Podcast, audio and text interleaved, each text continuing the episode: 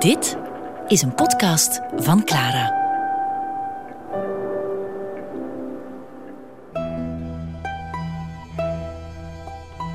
Venetia met Serge Simonaar.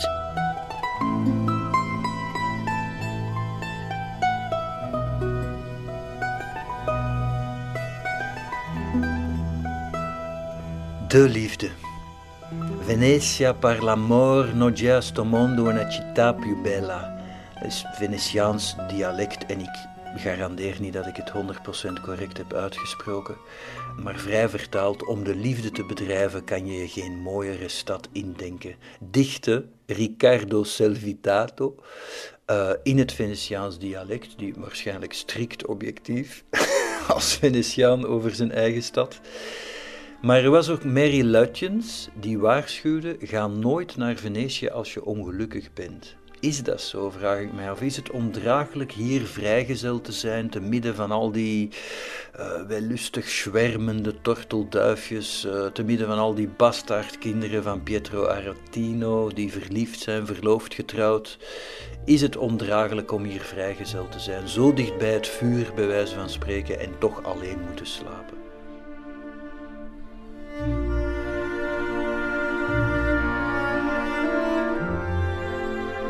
Heb altijd gevoeld dat Venetië een, een plek is die alles oplaat. Venetië intensifieert wat je al voelt, poëtiseert wat je al voelt.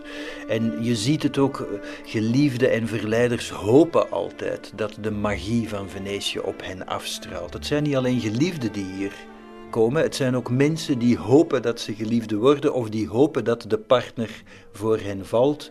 Uh, en die hopen dat Venetië daarbij helpt. Venetië is een beetje Prozac, een beetje een afrodisiacum, een kruk uh, voor geliefden of potentiële geliefden. Uh, nergens, dat is mij echt opgevallen en het wordt hoe langer hoe erger, als je het erger vindt, nergens vind je meer lingeriewinkels dan in Venetië. Nergens vind je meer juweliers dan in Venetië. Voor geliefden is deze stad een soort bondgenoot. Hier is liefde van een hogere orde, omdat het persoonlijke versmelt met het monumentale, met de schoonheid van de, van de stad.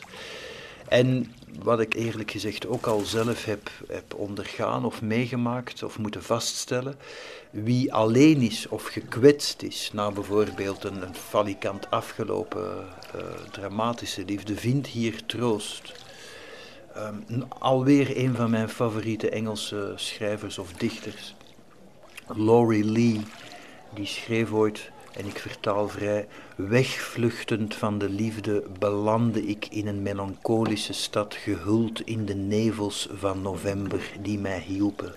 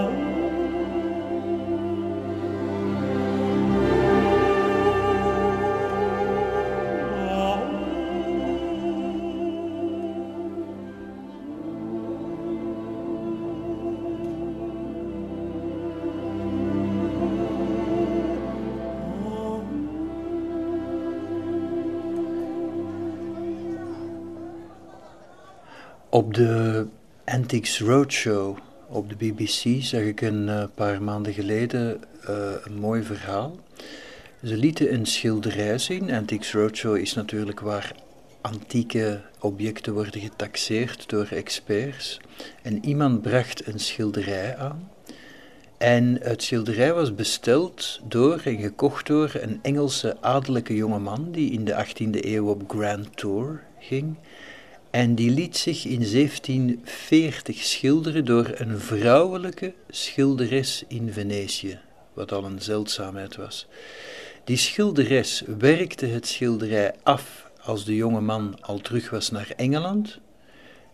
En ze verborg achteraan het schilderij een liefdesbrief, met de bedoeling dat de Engelse jonge man die liefdesbrief zou vinden als hij thuis het doek uitpakte.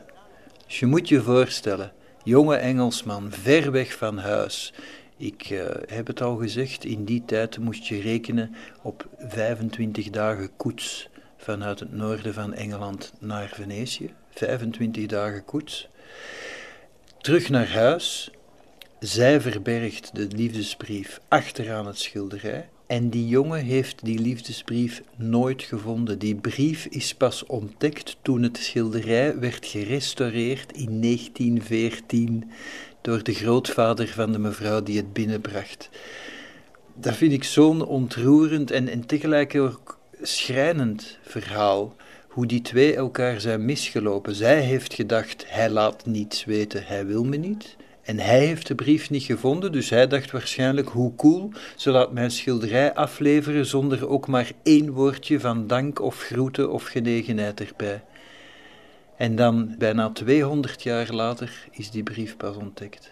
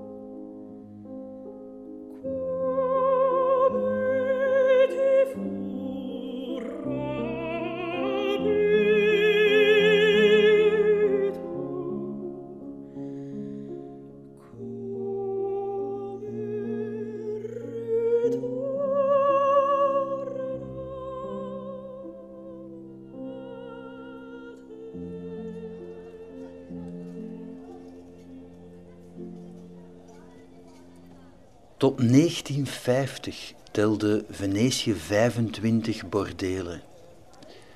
Nu, het grappige daarvan is dat je nu, anno 2016, in heel Venetië niet eens één seksshop vindt en het recente museum voor erotica werd langs alle kanten geboycott. Dus ook in die zin is Venetië uniek in Europa, namelijk de enige stad zonder seks en zonder afgeleiden van seks. En o ironie, uitgerekend in preutsertijden, preutsertijden bij ons, was Venetië een losbandig oord van verderf. Uit het stadsarchief bijvoorbeeld blijkt dat in de Serenissima al in 1443 de prostitutie werd gereglementeerd, zelfs met accijnse belasting op het liefdespel.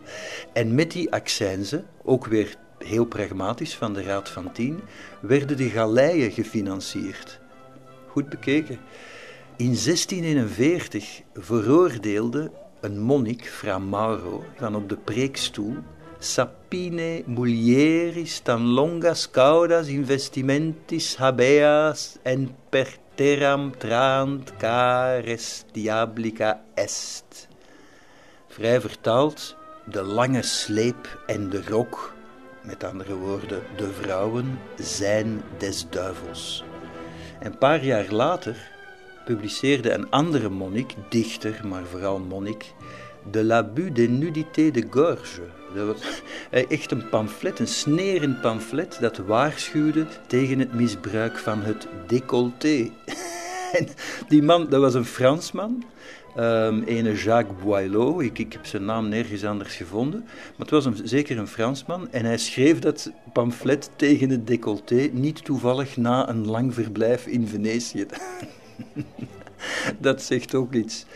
Venetië was trouwens over de hele lijnen een stad waar extremen als uh, decadentie enerzijds, kloosterleven anderzijds rimpeloos coexisteerden. Geen enkel probleem. En als, ik, ik heb altijd gevonden, als er een apart woord bestaat, en dat bestond, namelijk munegini, als er een apart woord bestaat voor heren die een verhouding hebben met een non,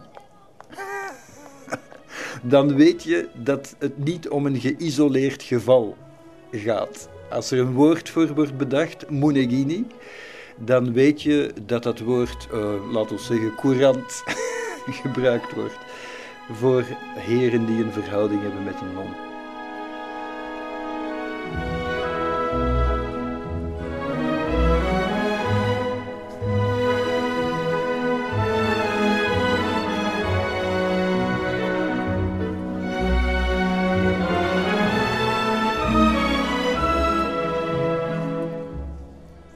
Wat ik ook boeiend vond, was het relaas van Charles de Bros. Dat, dan komen we zo in de tijd van, de, van uh, Casanova, iets vroeger.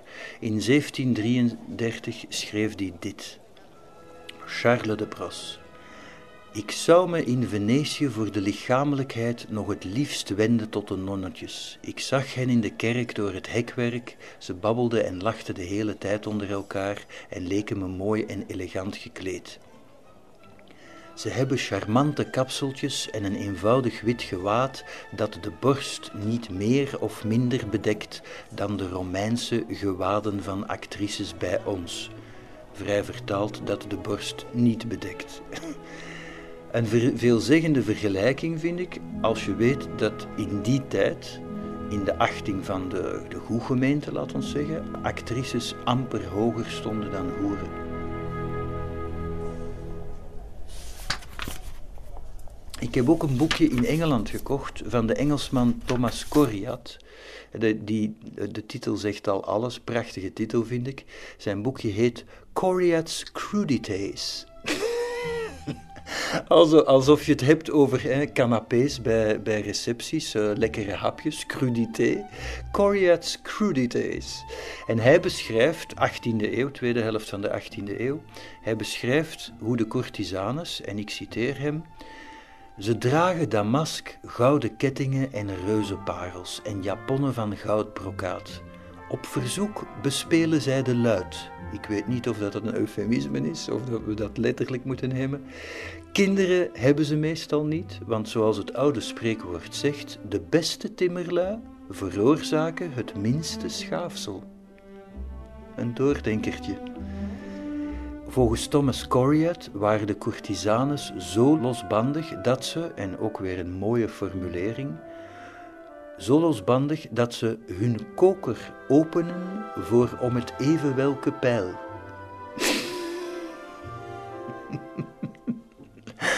het is, kijk, het is zelfs niet opwindend. Het, het, geeft gewoon een beeld van die tijd. En het, het zegt ook, vergeet ook niet, de Engelsen, niet onterecht heel lang eh, de reputatie gehad uh, om heel preuts te zijn en heel hypocriet.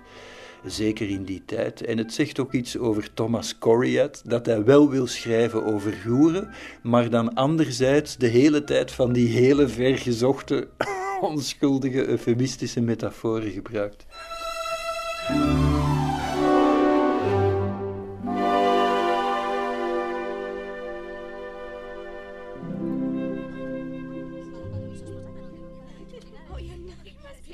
Courtisanes waren ook vaak rijk. Volgens Michel de Montaigne waren er in 1580 al 150 courtisanes die hun eigen palazzo bezaten. Dat is ondenkbaar nu. Ik denk niet dat er ook maar één call girl, of hoe noem je het, is die ergens een, een eigen palazzo heeft, laat staan in Venetië.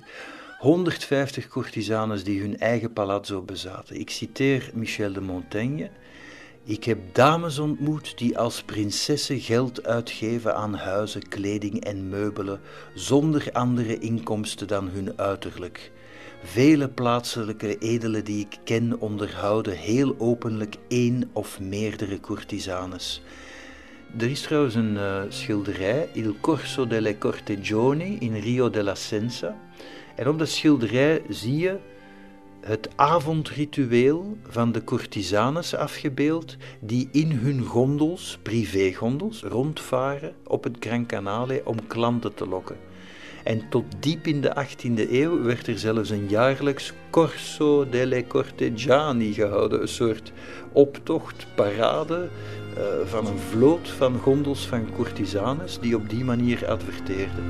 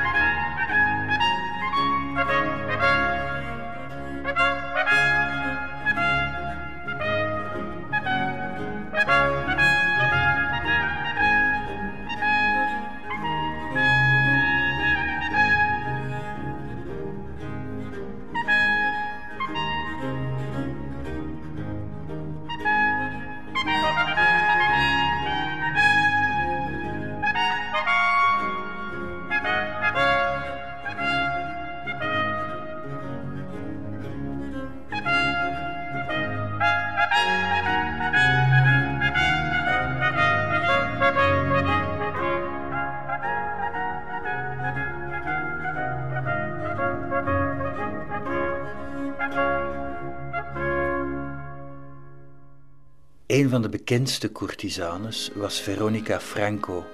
En zij heeft zelf een soort memoires of, of een catalogus, wat, wat ook al iets zegt. Als er genoeg courtisanes zijn waarmee je een catalogus kan vullen, dan uh, kom je met 20 of 30 bladzijden niet toe. En Veronica Franco, uh, dit komt niet uit haar boek Il catalogo delle principale più onorate cortegiane di Venezia geeft ze haar mening over courtisanes, maar dit komt uit een brief van Veronica Franco. Het is een beroep waarin zelfs mooie en welgemanierde meisjes amper het hoofd boven water houden. Het lichaam en de bezigheid aan een dergelijke slavernij overleveren is zo droevig en zo tegengesteld aan de menselijkheid dat het pijn doet eraan te denken. Zichzelf ten prooi geven aan zoveel met het risico beroofd te worden of gedood of bestolen, het risico dat één man jou op een dag ontneemt wat je bij velen hebt verworven geld. En daarboven nog alle risico's zoals verwondingen, besmettelijke ziekte, het eten met andermans mond, slapen met andermans ogen, bewegen volgens de begeerte van een ander, afstevenend op duidelijk onheil voor je bekwaamheden en je leven. Bestaat er een grotere ellende? Nu, eigenlijk is dat enorm hypocriet, niet gelogen, niet onwaar. Maar Veronica Franco was de rijkste en meest beroemde courtisane van haar tijd, die echt leefde als een prinses. Dus uh, laat ons zeggen dat het maar de helft van de waarheid is. Ze was trouwens zelf de dochter van een courtisane. En niet zomaar iemand, om maar, het zijn altijd de details die, die de status van iemand bevestigen. Bijvoorbeeld, Tintoretto portretteerde Veronica Franco, was trouwens ook een tijd lang haar minnaar. Nu, de grens tussen artiesten en hoer, of de grens tussen hoer en muze, is wel vaker heel dun geweest in de geschiedenis. Maar toch, Franco was zelf dichteres. Ze heeft dichtbundels gepubliceerd, bijvoorbeeld Terze Rime. En tijdens een banket voor Hendrik VIII, en dit is een beeld dat ik, daar was ik graag bij geweest, uh, niet, al om, niet alleen omwille van uh, de schoonheid van Veronica Franco, maar ook dat het geeft zo'n goed tijdsbeeld en het zegt ook iets over hoe er in die weelderige, uh, luxueuze, rijke periode van Venetië met geld werd gesmeten, hoe er bezoekende edelieden uit andere landen werden ontvangen met alle pracht en praal.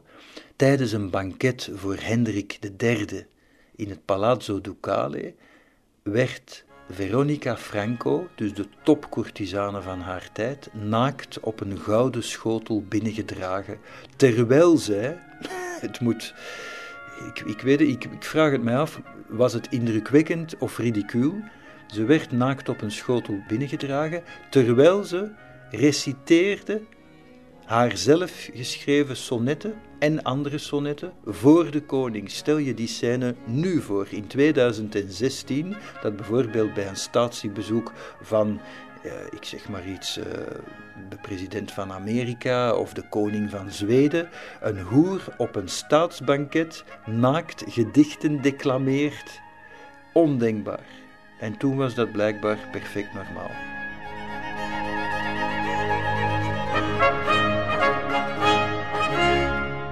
Nu, Franco, Veronica Franco, is bijna geëindigd uh, op het schavot op een bepaald moment, en dat, dat vind ik ook zo vies van, van de machtshebbers uit die tijd, hun hypocrisie, hun dubbelzinnige houding, hun ambiguïteit tegenover amoraliteit en, en eh, enerzijds het, het toelaten, het zelfs aanmoedigen en dan weer hypocriet zijn en het afkeuren en, en courtisanes straffen.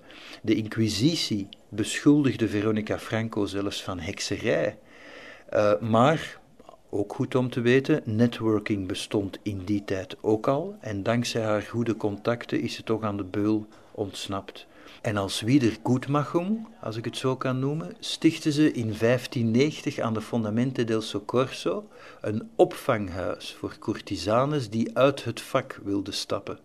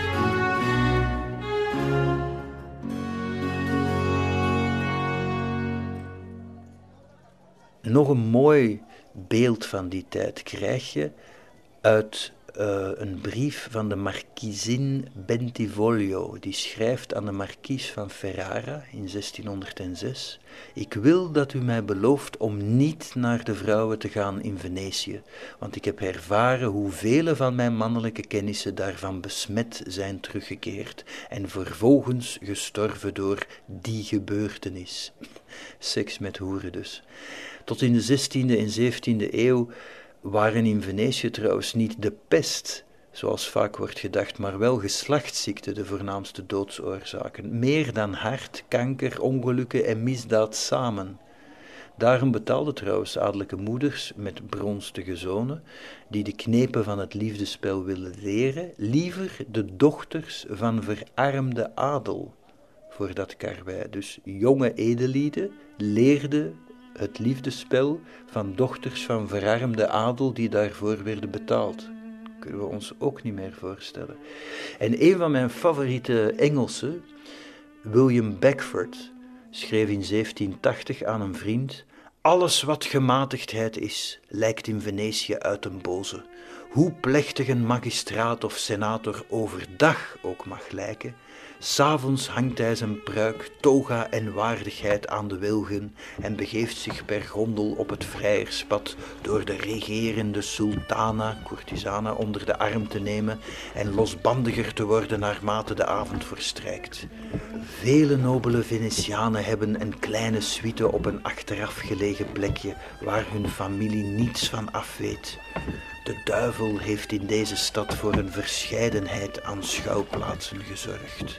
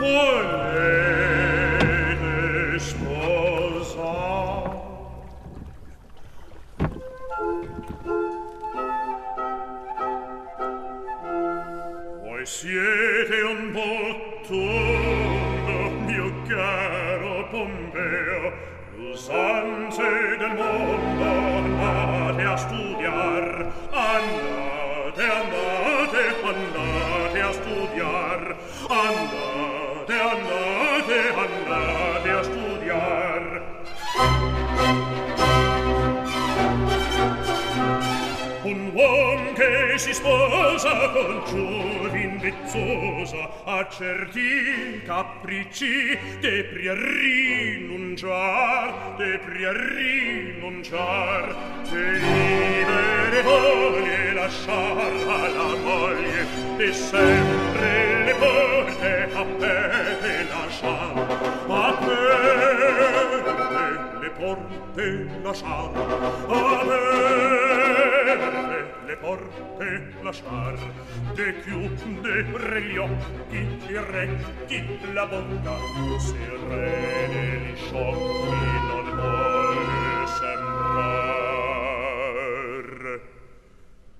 Voi siete un bottondo mio caro pompeo lo sanze del mondo andate andate, andate, andate a studiar andate, andate, andate a studiar andate a studiar andate a studiar cos'ante del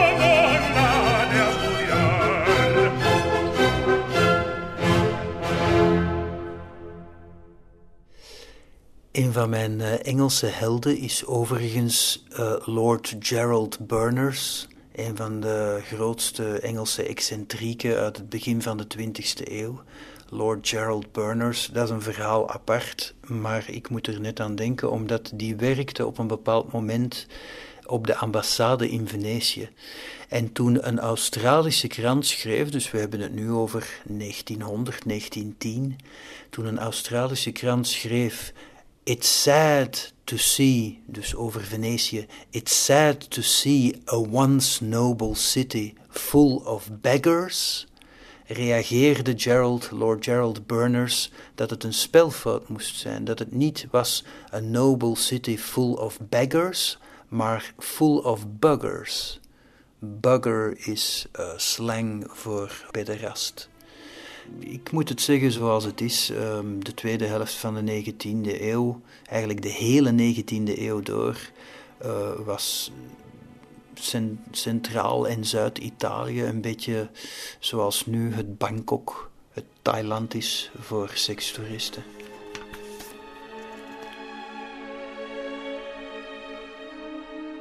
Ook een paar scènes die toch tot mijn verbeelding spreken, geef ik eerlijk toe.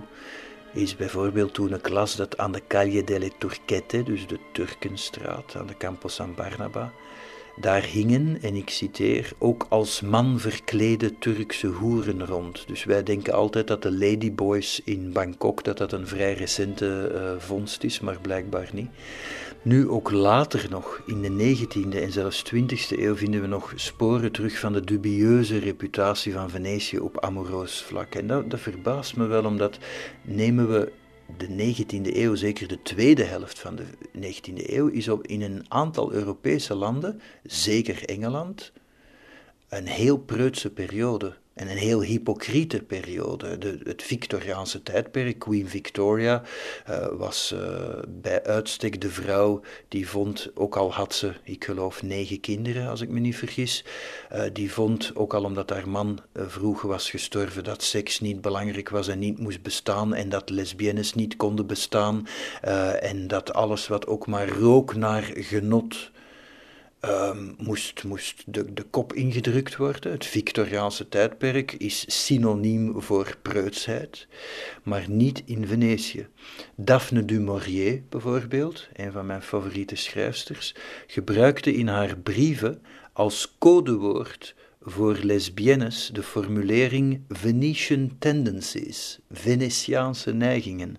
En het is een historisch feit dat heel veel homoseksuelen de Grand Tour maakten en neerstreken op plekken zoals Napels, Capri en Venetië, omdat in Engeland toen om, op homoseksualiteit, zie Oscar Wilde, de doodstraf stond en zware gevangenisstraffen. Niet veel eerder was dat trouwens in Venetië ook nog zo. Mannen die schuldig werden bevonden aan sodomie, werden opgehangen tussen de twee zuilen op het San Marcoplein en daarna verbrand.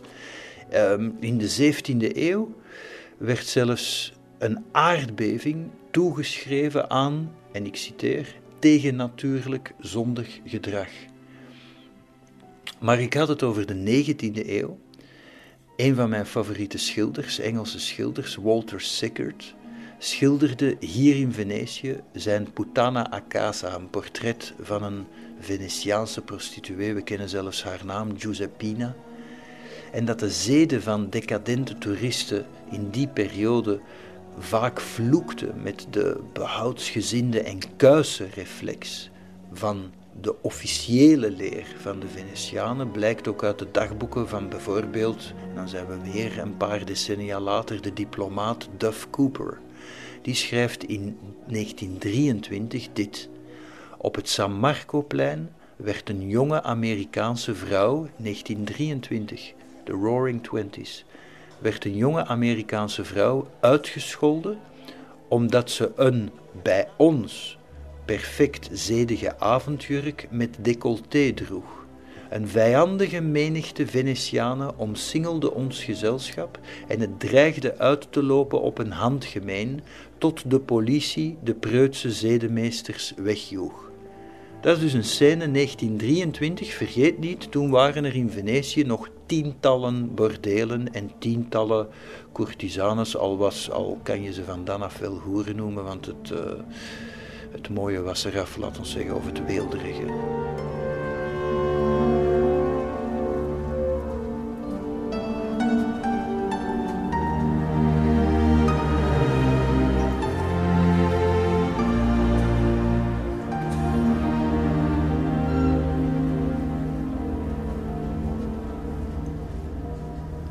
Zo opvalt, je hebt die stad Venetië en ook de, de leiding, de, de, de staat, de machthebbers, die zo ambigu en hypocriet zijn. En je hebt enerzijds tal van mythen en zagen over plekken in Venetië die verband houden met seks. En, en niet alleen seks op zich, maar ook zijn, laten we zeggen, afgeleide of erfgename, begeerte, jaloezie, noem maar op. We staan hier nu aan het Casino degli Spiriti. Het Casino degli Spiriti, je, denkt dan aan geesten als je het letterlijk vertaalt, maar dit grote, een beetje lugubere huis trouwens, het is, het is vlak gelegen, uh, of enfin, schuin gelegen tegenover San Michele, daar het uh, begrafeniseiland, het kerkhofeiland. Het Casino degli Spiriti is door de eeuwen heen het decor geweest van orgieën, overspel, duels, tussen amoureuze rivalen, noem maar op. Uh, ik heb echt verwijzingen naar dit huis teruggevonden in brieven en dagboeken en biografieën uit, uit de 17e, 18e, 19e eeuw. De Giorgione bijvoorbeeld, een van de grote Venetiaanse schilders, uh, heeft hier een orgie meegemaakt die zijn laatste daad op aarde werd. Want hij stierf tijdens die orgie, ik neem aan aan een hartaanval of zoiets. Uh, dan moet je je ook voorstellen, de grote Giorgione, wiens schilderijen nog steeds worden bejubeld, die dan uh, het schilderen eventjes beu was en, en, zichzelf een klein verzetje gunde, naar het Casino degli Spiriti kwam hier en fine. het huis trouwens, Casino degli Spiriti, ontleent zijn naam aan de echtgenote van de eigenaar, wiens minnaar stierf en zogenaamd tijdens een waken aan haar verscheen. En het verhaal komt van een bediende, en dat is historisch. De bediende die daar naar eigen zeggen getuige van was, van die verschijning, die is echt krankzinnig geworden. Natuurlijk is de vraag, uh, heeft hij het verzonnen omdat hij krankzinnig was, of is hij krankzinnig geworden omdat hij geloofde in geesten? Bedoel, de kip in het ei. Nu, ik kan niet zeggen uh, dat ik gezocht heb naar seks in Venetië. Om te beginnen, meestal kom je hier met je partner, dus uh, je hoeft niet te zoeken. Ten tweede, ik, ik ben heel vies en paranoïde over ziekte, dus ik zou sowieso nooit naar de hoeren gaan. Maar ik heb wel geprobeerd om nu eindelijk eens, want dat vind ik boeiend, um, vind je nog seks in Venetië nu? Want ik vind je kan daar alleen maar over iets over zeggen als je zeker bent. En het, de enige zichtbare betaalde seks die ik heb gevonden was de naam van een strijkkwartet, dat nog altijd bestaat trouwens. En die noemen zich Putana Veneziana. En die spelen soms nog in de Pietà, de zogenaamde Vivaldi-kerk. Maar naar mijn gevoel is Venetië nu zelf een oude courtisane geworden, die enerzijds beseft dat ze nog een zekere waarde heeft, een zekere mythische waarde, maar anderzijds ook wel aanvoelt dat haar verleden altijd meer tot de verbeelding zal spreken dan haar toekomst.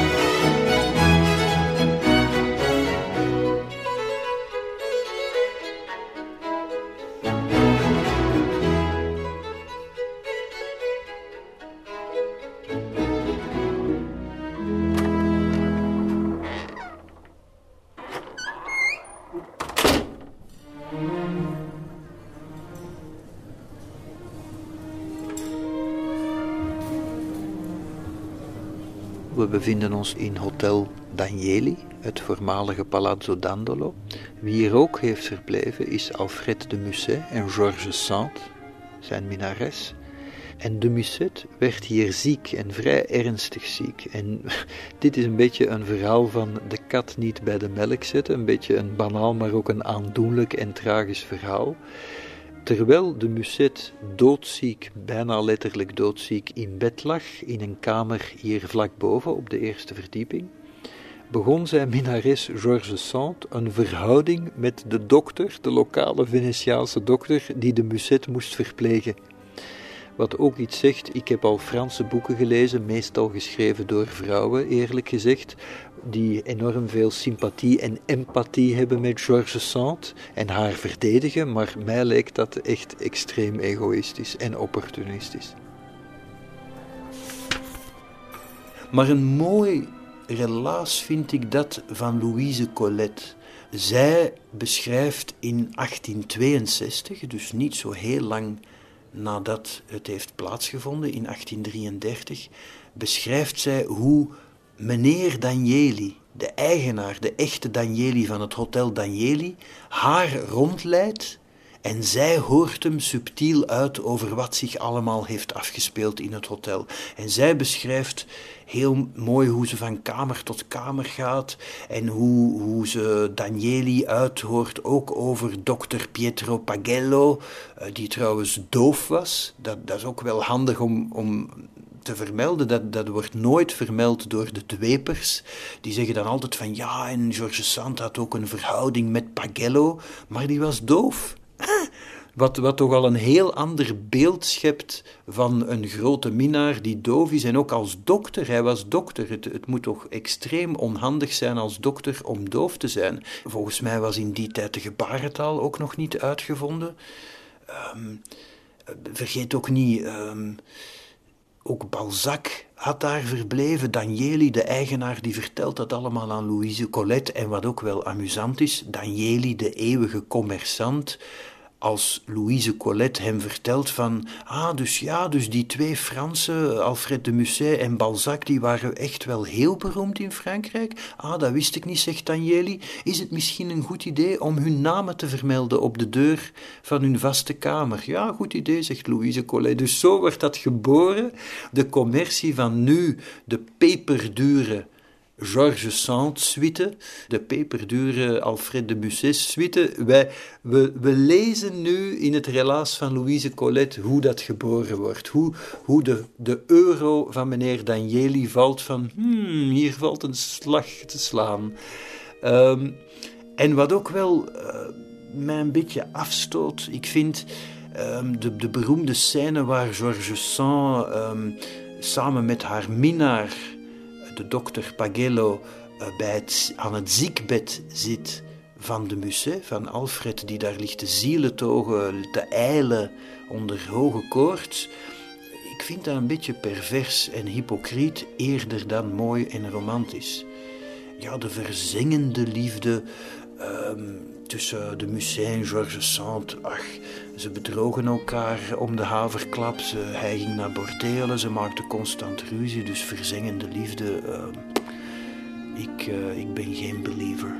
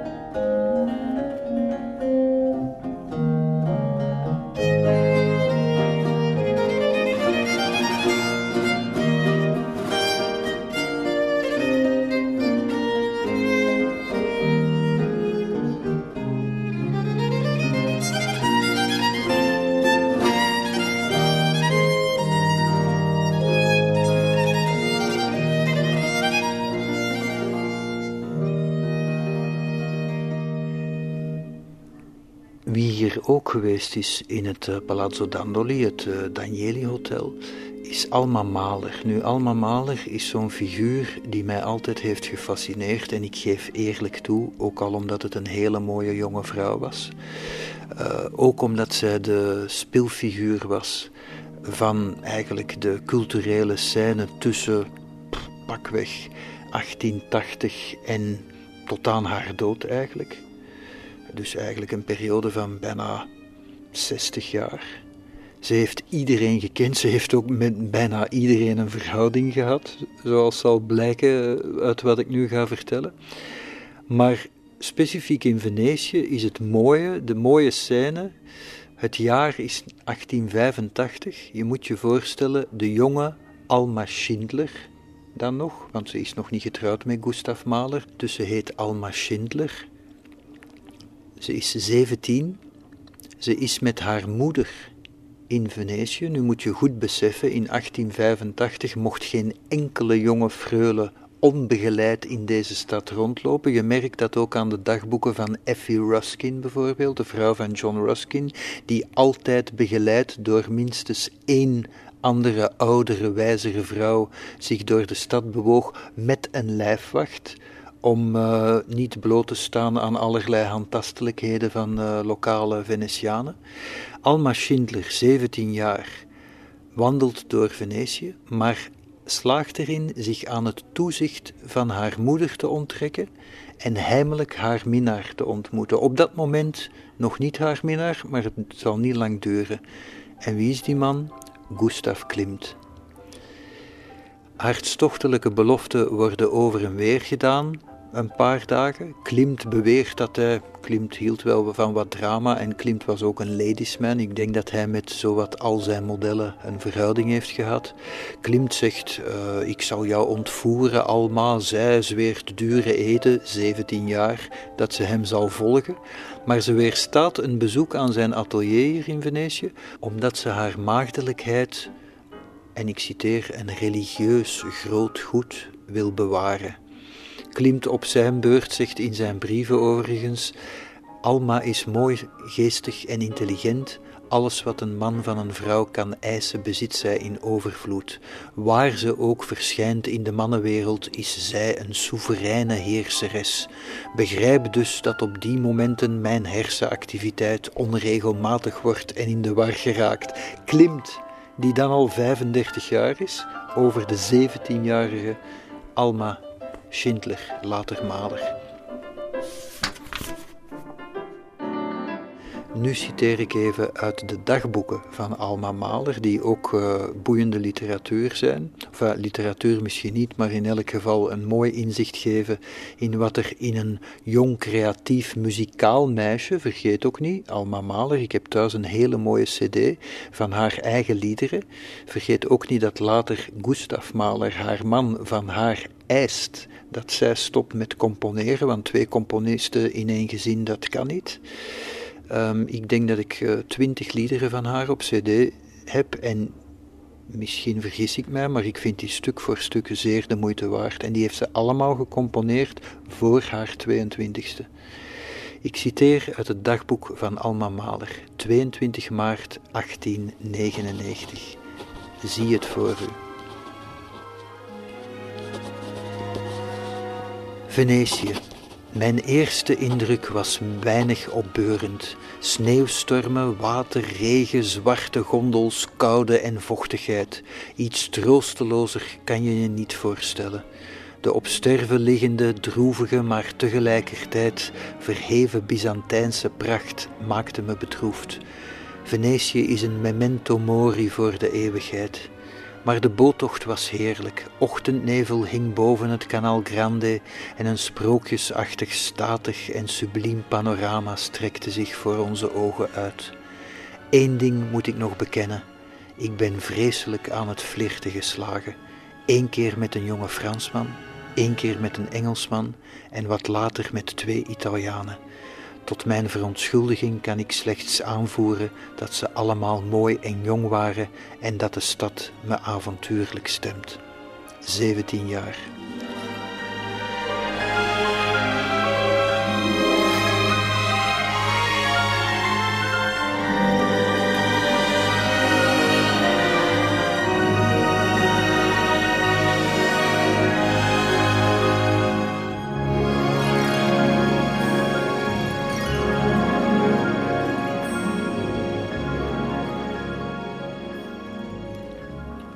Twee dagen later, nog steeds het dagboek van Alma Mahler. Gustav Klimt kwam ongevraagd mijn kamer binnen. Alweer voor alle duidelijkheid, in die tijd was dat ongehoord. Gustav Klimt kwam ongevraagd mijn kamer binnen. Bent u alleen? Ja. En voor ik het besefte, had hij me gekust. Het duurde maar een seconde, omdat we geluid hoorden in de kamer ernaast. Maar hij kuste me met onnoemelijke kracht. Het was een intens en droevig moment. Het leek haast een gewijde kus waarmee hij me vroeg nooit meer een ander lief te hebben. Heel amusant als je beseft dat ze daarna nog vijf huwelijken verslijt en minstens twintig minnaars. Een gewijde kus waar hij me vroeg nooit een ander lief te hebben en ik hem dat plechtig beloofde.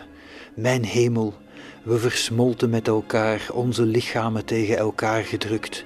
Die kus was onontkoombaar. Het was alsof ik was geboren om dat moment te beleven. Nu weet ik dat een kus geen simpel pleziertje is, maar een plechtige verbintenis van de geest en de lippen, ten teken dat diegene die je kust jou voor eeuwig toebehoort. We waren allebei verschrikkelijk opgewonden. Gustav stond achter me en zei: We hebben geen keus, mijn lief. We moeten elkaar volledig bezitten. Dat zou ik ook gelogen hebben. Ik wankelde van emotie en zocht steun tegen de trapleuning. Ik citeerde hem Faust. Nu, dat vind ik ook zo typisch. De, de protserigheid en de pathos van een 17-jarige uit die tijd. Ze is zogenaamd buiten haar zinnen, maar ze vindt nog wel de tegenwoordigheid van geest om even Faust te citeren. Schenk niemand al te voorbarig je gunsten voor je een ring aan je vinger hebt. Ik voel voor niemand zoveel als voor u, maar dit, nee. Smiddags naar het Lido gevaren met Klimt, veel met hem gepraat. Hij is gek op me, maar zijn lompe gedrag krenkt me. Later op het San Marcoplein stond hij plots voor me, trillend van woede en opwinding. Hier heb je je foto terug. Hij gooide ze naar mijn hoofd. Maar Karel kwam eraan en hij moest de foto snel weer in zijn zak steken. Ik beet op mijn tanden en viel bijna flauw. Iedereen ging naar Café Florian en Klimt fluisterde: Ik schaam me, Alme. Hoe heb ik me zo kunnen misdragen? S'avonds was er een concert op het San Marcoplein. Klimt had me gevraagd: Ik mag niet meer naast je zitten van je moeder, dus ik smeek je, kijk tenminste af en toe naar me. En dat heb ik gedaan. Zijn ogen, een zee van liefde, Midden in de mensenmassa kwam hij stiekem en onopgemerkt naar me toe. Bewaar een klein plekje voor me in je hart, Alma. Ik antwoordde: Het moet afgelopen zijn. Iedereen heeft het erover. Dat vond ze natuurlijk heerlijk dat iedereen het erover had. Ja, zuchtte hij. Onze verhouding was doodgeboren en een dag eerder was het nog voor eeuwig, enzovoort, enzovoort. Eeuwig, zei ik, ook al mogen we elkaar niet toebehoren, onze zielen zijn innig verstrengeld in een kus. Ik heb geen enkel respect voor consequente meisjes, want ik weet uit ervaring dat alleen gebrek aan lef hen ervan weerhoudt hun impulsen te volgen. Enkel de angst dat het uitkomt en de angst voor de consequenties van mijn overgave weerhouden me om me in zijn atelier aan hem te geven en één keer echt van het leven genieten. 17 jaar. Ik heb geen morele beweegredenen, er is enkel die stompzinnige angst, terwijl mij overgeven aan mijn beminde het meest vanzelfsprekende en het hoogst bereikbare is. Laf wijf dat ik ben.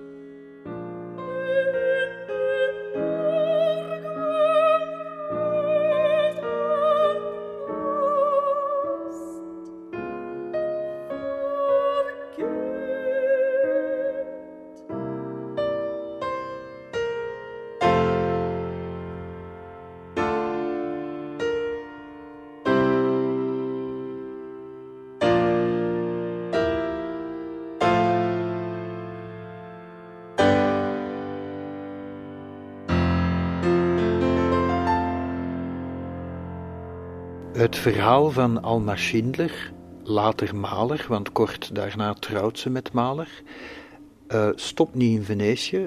integendeel, het wordt nog dramatischer en tragischer. En rond de jaren 2030 koopt ze een huis in Venetië, want ze ziet de stad, en ik citeer nogmaals uit haar brieven, als een toevluchtsoord, en ze is niet de enige. In Café Florian ontmoet ze later Kokoschka, maar ze ziet af van een affaire omdat ook Frans Werfel, haar echtgenoot van dat moment, in Venetië aankomt. Nog wat later heeft ze hier een ontmoeting met Margherita Serfati, de minares van Mussolini. Ze polst bij Mussolini om, om maar te bewijzen wat een centrum van een, van een scène en, en een, een centrum van haar tijd, een spilfiguur in haar tijd, Alma Mahler wel was. Ze ontmoet Mussolini, ze vraagt hem met aandrang om het Jodenvraagstuk ongemoeid te laten. Ze weet op dat moment nog niet dat Margherita Serfati, minares van Mussolini, zelf Joodse is. Maar het is zinloos, want kort daarna verandert Mussolini van maîtresse, dus de invloed van Alma op Mussolini wordt terug tot nul herleid. In Florian is er dan nog een scène tussen Frans Werfel, haar echtgenoot, en ene Pfitzner, die riep, en je moet je dat echt voorstellen, want als, toen ik dat las in haar dagboek, uh, toen ging het haar op mijn armen recht staan. Ik heb toevallig dat dagboek gelezen in Florian, en dan is het effect nog sterker. Er was een ruzie in Florian, dus we hebben het nu over eind jaren dertig tussen Frans Werfel en ene Pfitzner, een Duitser, die riep, luid riep in Florian, waar al die mensen zitten te eten en te drinken, Hitler zal jullie Joden wel leren, Duitsland zal overwinnen. Je moet je die scène voorstellen, vlak voor de oorlog begint. Nu, ondertussen woont ze ook, of woont ze, dat is te sterk gezegd, maar ze is ook in Venetië, als de enige dochter van Arthur Schnitzler, waarvan ik ook fan ben, de theatermaker, de toneelschrijver, de enige dochter van Arthur Schnitzler, pleegt in Venetië zelfmoord met een revolver, want ze was getrouwd met een Italiaanse kolonel. Ze neemt die zijn revolver en pleegt zelfmoord. Alsof dat nog niet tragisch genoeg is, overlijdt een paar weken later de dochter van Alma en Walter Gropius, die heette Manon. Die was nog mooier dan Alma en die overlijdt in Venetië aan kinderverlamming, ook 17. Spiegelbeeld van Alma Gustav Klimt 17 en haar eigen dochter Manon, prachtig meisje, overlijdt aan kinderverlamming op haar 17e. Op haar sterfbed, en ook die scène moet je voorgezien, Alma was, als ik het beleefd uitdrukt, was een fantastische vrouw, maar het was ook een vrouw die heel erg belang hechtte aan. Uh, ja, ze was snobistisch, ze was elitair, ze was een networker avant la lettre. Ze probeerde met iedereen goed te staan om allerlei voordeeltjes te krijgen, ook later in haar leven in New York. En deze scène, Alma wil de stervende Manon, haar eigen dochter, op haar sterfbed verloven met een protégé van de lokale pater in de hoop dat religieus bijgeloof en wishful thinking haar zal genezen, maar ook omdat het haar positie in de stad in Venetië zou versterken, zodat ze als buitenlander niet wordt uitgewezen of onteigend, want dat is ook gebeurd. Manon heeft dat schijnt als laatste woorden gezegd: Laat me sterven, mama, je komt het wel te boven, zoals alles, zoals iedereen. Wat ook iets zegt over Alma als moeder als haar stervende dochter zegt van mama, je komt het wel te boven, dat zegt een dochter van 17 die op sterven ligt niet tegen een hele warme, toegewijde moeder. En dat blijkt ook uit de verdere levensloop van Alma Mahler, nogmaals fantastische vrouw, maar ook zeer egoïstisch en zeer egocentrisch. En nog een week later verkoopt Alma het huis in Venetië omdat het haar ondraaglijk is dat alles daar aan Manon Waarom vertel ik dat nu allemaal? Omdat onze vriend Alban Berg, ook prachtige muziek, heeft ter ere van Manon, op wie hij stiekem verliefd was, Dem Angedenken eines Engels gecomponeerd.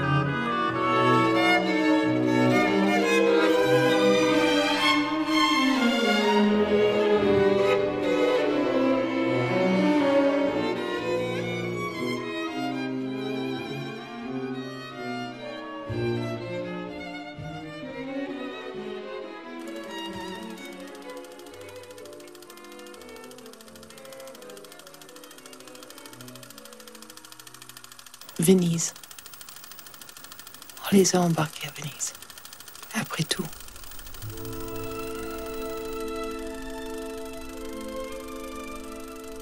Ik weet het, Clara is in de eerste plaats de zender van prachtige klassieke muziek, maar een naamgenoot van mij, Serge Gainsbourg, was toch niet het minste talent in Frankrijk. En Gainsbourg was een fanaat van Venetië, heeft Venetië, ik denk zonder overdrijven, misschien wel veertig keer bezocht, waarvan een dozijn keer met zijn eerste vrouw, Jane Birkin. En er is een prachtig stukje waarin Jane Birkin um, home movies, um, super acht filmpjes, privé gefilmd door haar en Serge, um, becommentarieert, heel melancholisch, nostalgisch. Venise. Venise où Serge et moi, en fait, on est tombé amoureuse à Venise, sur le film Slogan. Et après, chaque automne, on retournait là-bas pour une semaine. Je sais pas combien de fois on est allé là-bas. Peut-être une dizaine de fois. Voilà nos amis, Odile et Louis. En ze vertelt daar onder andere over het gevoel van zelfs bij slecht weer, mist en nevel, dat het hun Venetië is. Parfois il y avait la brume, parfois il y avait la pluie, parfois il y avait des planches sur le place Saint-Marc. C'était toujours, toujours solitaire et beau parce que c'était toujours l'hiver, les touristes sont barrés. Et c'était juste pour nous. On allait à Harris Bar tous les jours. Et toujours la saluter.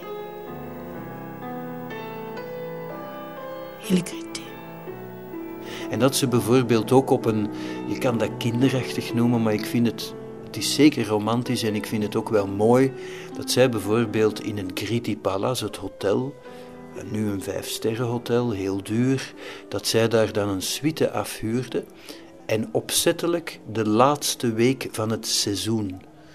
Um, omdat ze niet wilde dat na hen nog andere mensen in hun bed zogenaamd zouden slapen.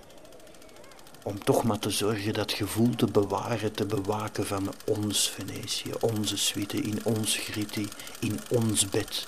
Il prenait le Gritti parce que il y avait une petite suite qui donnait sur un canal et aussi sur le Saluté. Et il voulait le prendre à la dernière, la dernière semaine avant que le Gritti ferme pour que personne touche à notre chambre à coucher jusqu'à la saison suivante. C'était quand même une idée très romanesque, très typique de lui. Als je goed luistert, hoor je trouwens onder, achter het commentaar van Jane bij die filmpjes, hoor je pianomuziek. Dat is natuurlijk de fantastische Chopin. Overigens ook Serge, Serge Gainsbourg, was een groot fanaat, liefhebber van, bewonderaar van Chopin. Wat je trouwens ook hoort in zijn chansons. Hij is heel erg beïnvloed door Chopin. Prachtige prelude in E mineur.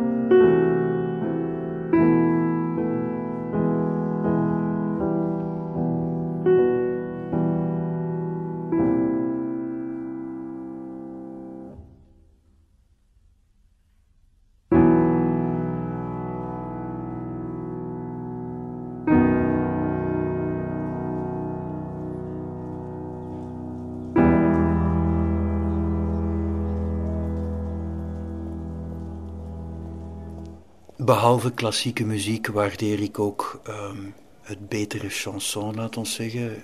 Charles Aznavour vooral.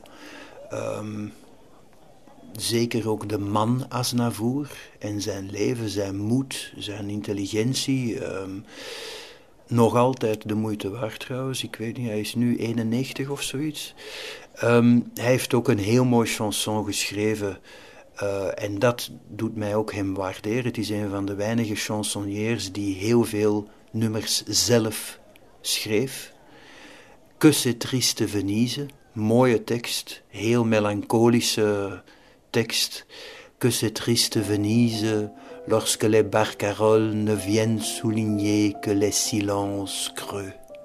Les musées, les églises ouvrent enfin leurs portes, inutile beauté, devant nos yeux déçus. Adieu tous les pigeons qui nous ont fait escorte, adieu pont des soupirs, adieu rêve perdu. C'est trop triste, Venise, quand on ne s'aime plus. Mooi. Samengevat, meneer Aznavour is minstens één keer naar Venetië geweest toen hij liefdesverdriet had. Uh, ik begrijp hem, maar ik ben het met één ding oneens. Hij zegt inutile beauté. Dat vind ik niet. Ik vind, uh, zelfs al heb je een gebroken hart, dat schoonheid troost. En zeker de schoonheid van Venetië.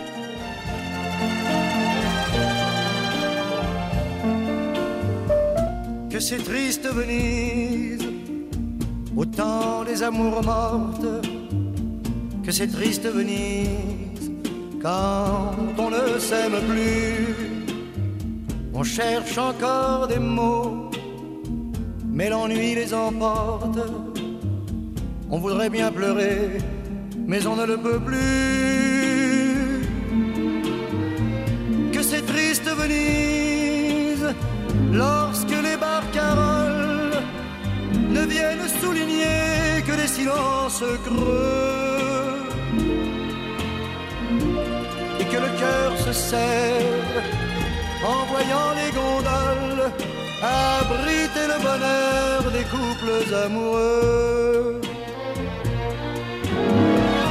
Que c'est triste Venise, au temps des amours mortes que c'est triste Venise quand on ne s'aime plus. Les musées, les églises ouvrent en vain leurs portes. Inutile beauté devant nos yeux déçus. Que c'est triste Venise le soir sur la lagune quand on cherche une main que l'on ne vous tend pas et que l'on ironise devant le clair de lune pour tenter d'oublier ce qu'on ne se dit pas. Adieu tous les pigeons qui nous ont fait escorte. Adieu pour les soupirs, adieu rêve perdu. C'est trop triste Venise, autant des amours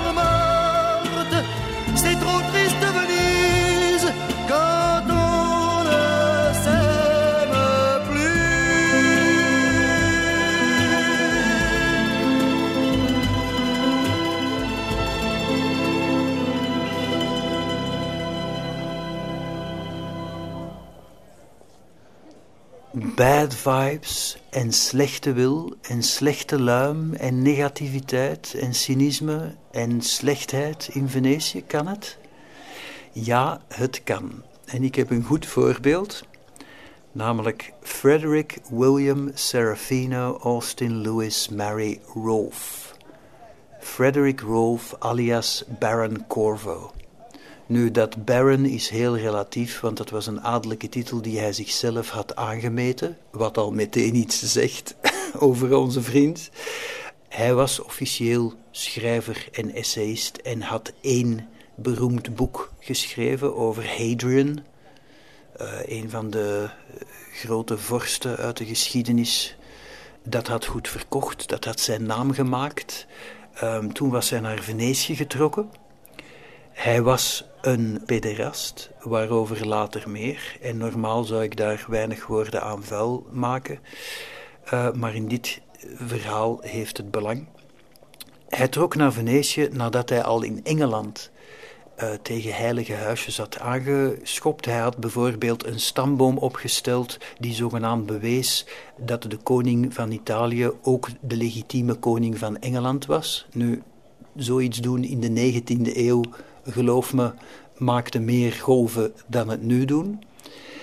En het was iemand die, um, ten eerste was het een masochist en een sadist en een malade imaginaire, een hypochonder die altijd kloeg over zijn kwaaltjes en zijn ziekte, die ook altijd geldgebrek had, altijd schulden had in de Engelse kolonie, want Venetië was in de 19e eeuw ook zeer gegeerd bij de Engelsen ook als een soort speeltuin. Elke Engelsman die zichzelf uh, van niveau vond, een, gentleman of quality, moest naar Venetië, want dat was de bakermat van de beschaving en van de elegantie en de goede smaak. Uh, ook Rome en Firenze natuurlijk, maar zeker ook Venetië.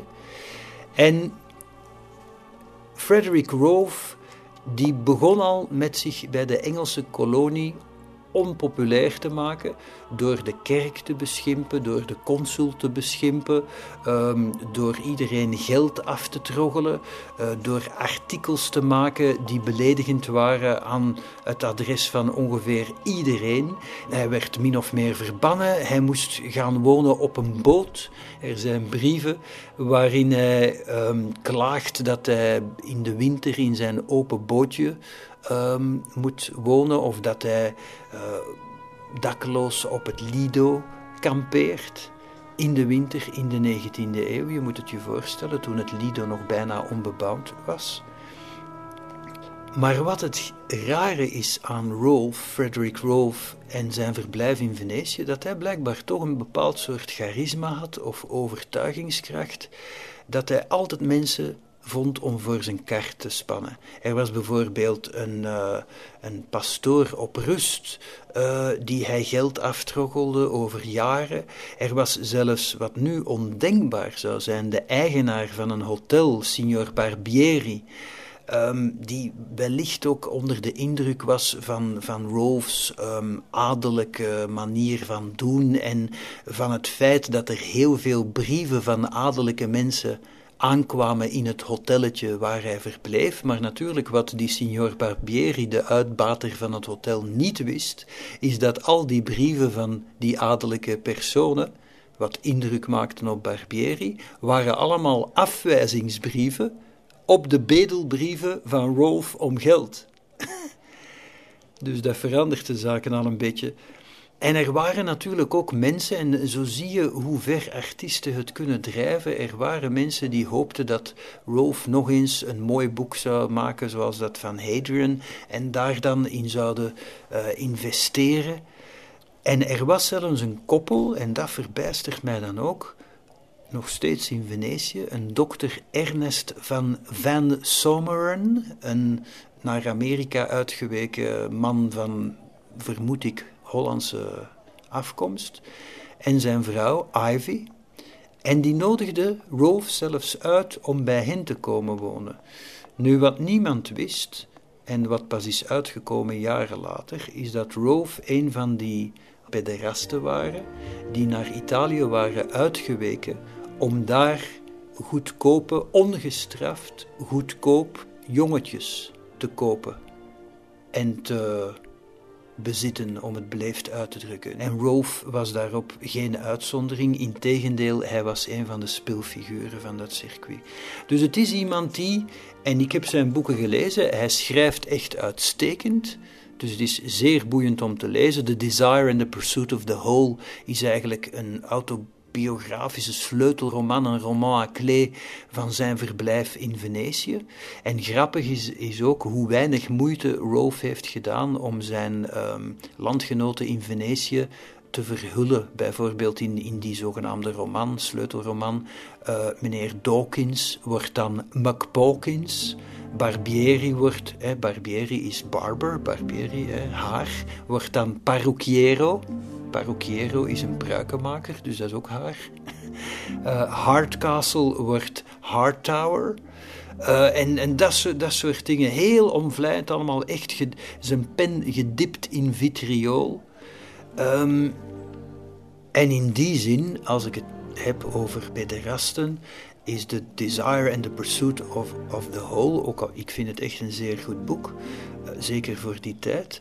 Maar het, het opmerkelijke daaraan is ook dat de hoofdpersoon, um, de, de vrouwelijke hoofdpersoon, Zilda, is eigenlijk een jongetje.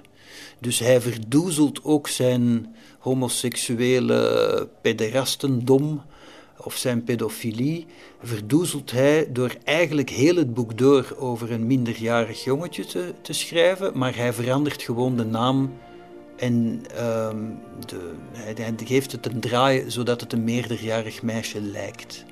Maar als je het goed leest, is het overduidelijk. En hij zegt trouwens ook, um, ik citeer een stukje, over Zilda, het zogenaamde uh, eh, 17-jarige weesmeisje. Her phenomenally perfect boyishness. She looked like a boy. She was simply a splendid, strapping boy, excepting for the single fact that she was not a boy, but a girl.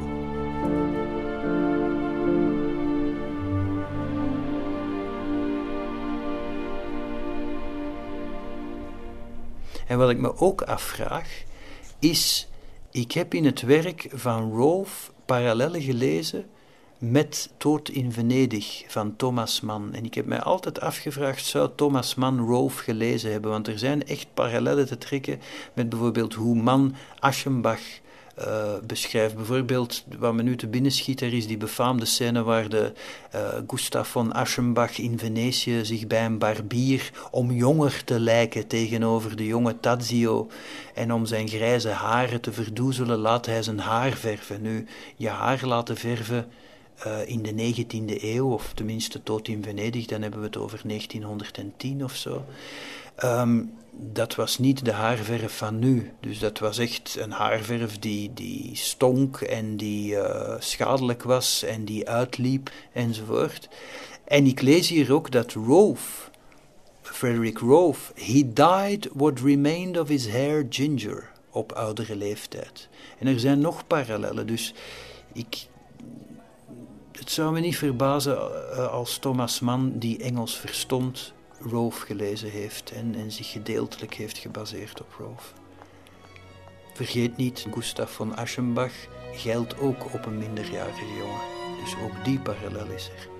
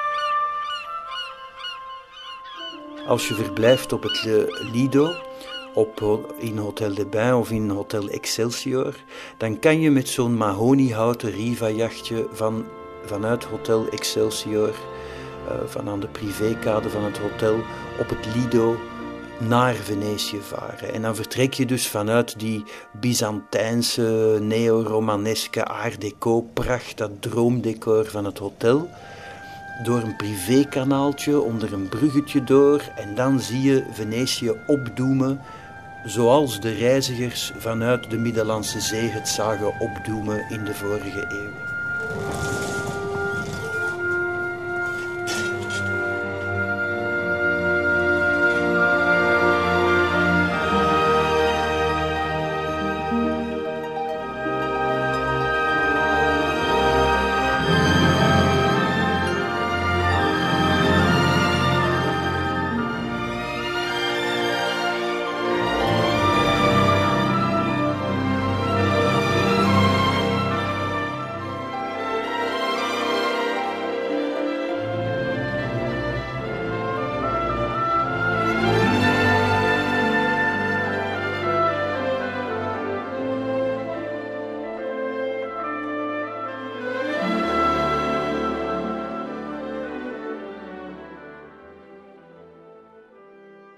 Zelf een keer of zes, zeven verbleven in Hotel des Bains op het Lido, waar Death in Venice, Dood in Venedig zich afspeelt, zowel het boek als de film.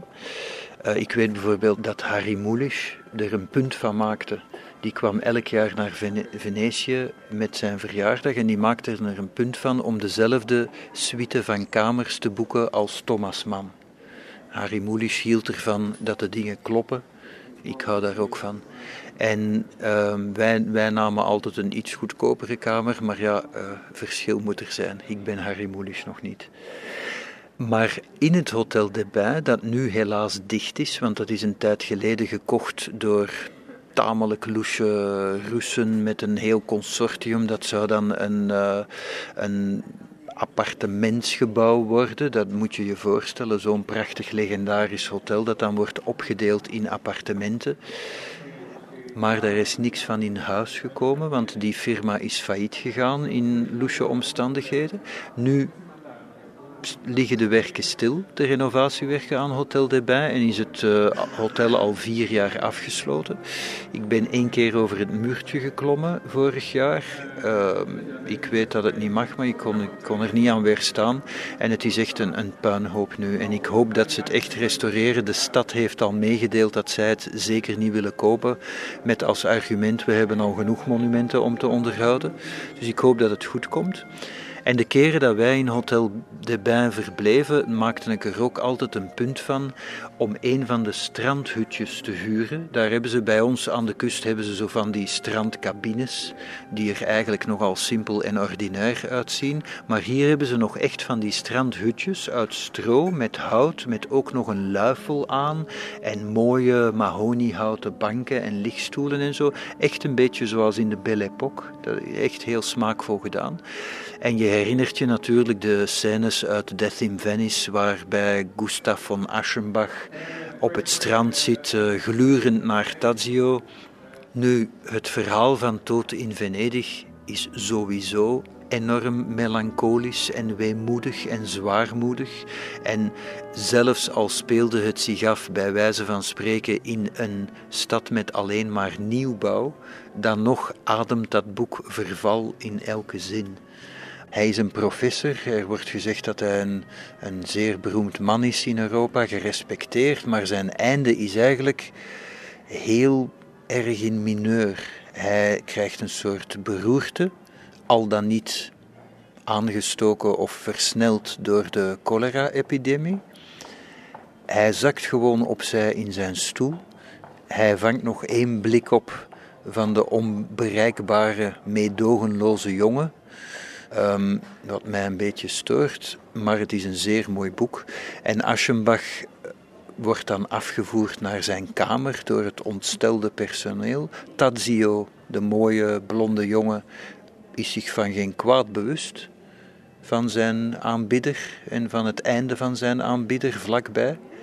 Speelt verder met zijn vriendjes en weinige minuten later geeft Aschenbach de geest in zijn kamer, terwijl dan ook nog typisch Thomas Mann even terecht natrappen naar de commercieel denkende directeur van het hotel, die denkt: oei, daar gaat een welgestelde klant wiens verblijf vroegtijdig wordt beëindigd, dat gaat ons geld kosten. Nu, ook al ben ik strikt heteroseksueel, toch vind ik het een, een prachtig boek en een van mijn favoriete boeken, omdat de sfeer zo goed is gevat en omdat het een briljant, oersimpel idee is om in een novelle, een romannetje, een, eigenlijk een heel simpel verhaaltje waarin bijna niks gebeurt. Professor wil op reis gaan, is moe, zoekt het niet te ver, gaat naar Venetië, wil terug vertrekken, blijft toch, ziet een mooie jongen, wordt daar verliefd op. Maar voor er eh, verder iets kan gebeuren, sterft hij. Meer is het eigenlijk niet. Maar toch zit in dat simpele verhaaltje zoveel vervat. Melancholie, verval, isolement, eenzaamheid, ouder worden, afscheid nemen van dingen, afscheid nemen van schoonheid, afscheid moeten nemen van de wereld, van het leven. Ehm, ook de, de rol van Venetië als een soort ghetto, dan niet in de zin van het Joodse ghetto in Venetië, maar een ghetto van beschaving, een ghetto van verfijning, een, een toevluchtsoord. Aschenbach komt eigenlijk vluchten. Hij vlucht naar Venetië, hij komt schuilen in Venetië. Al die elementen zitten in Toten in Venedig. En wat dat betreft, uh, dank u wel meneer Mann.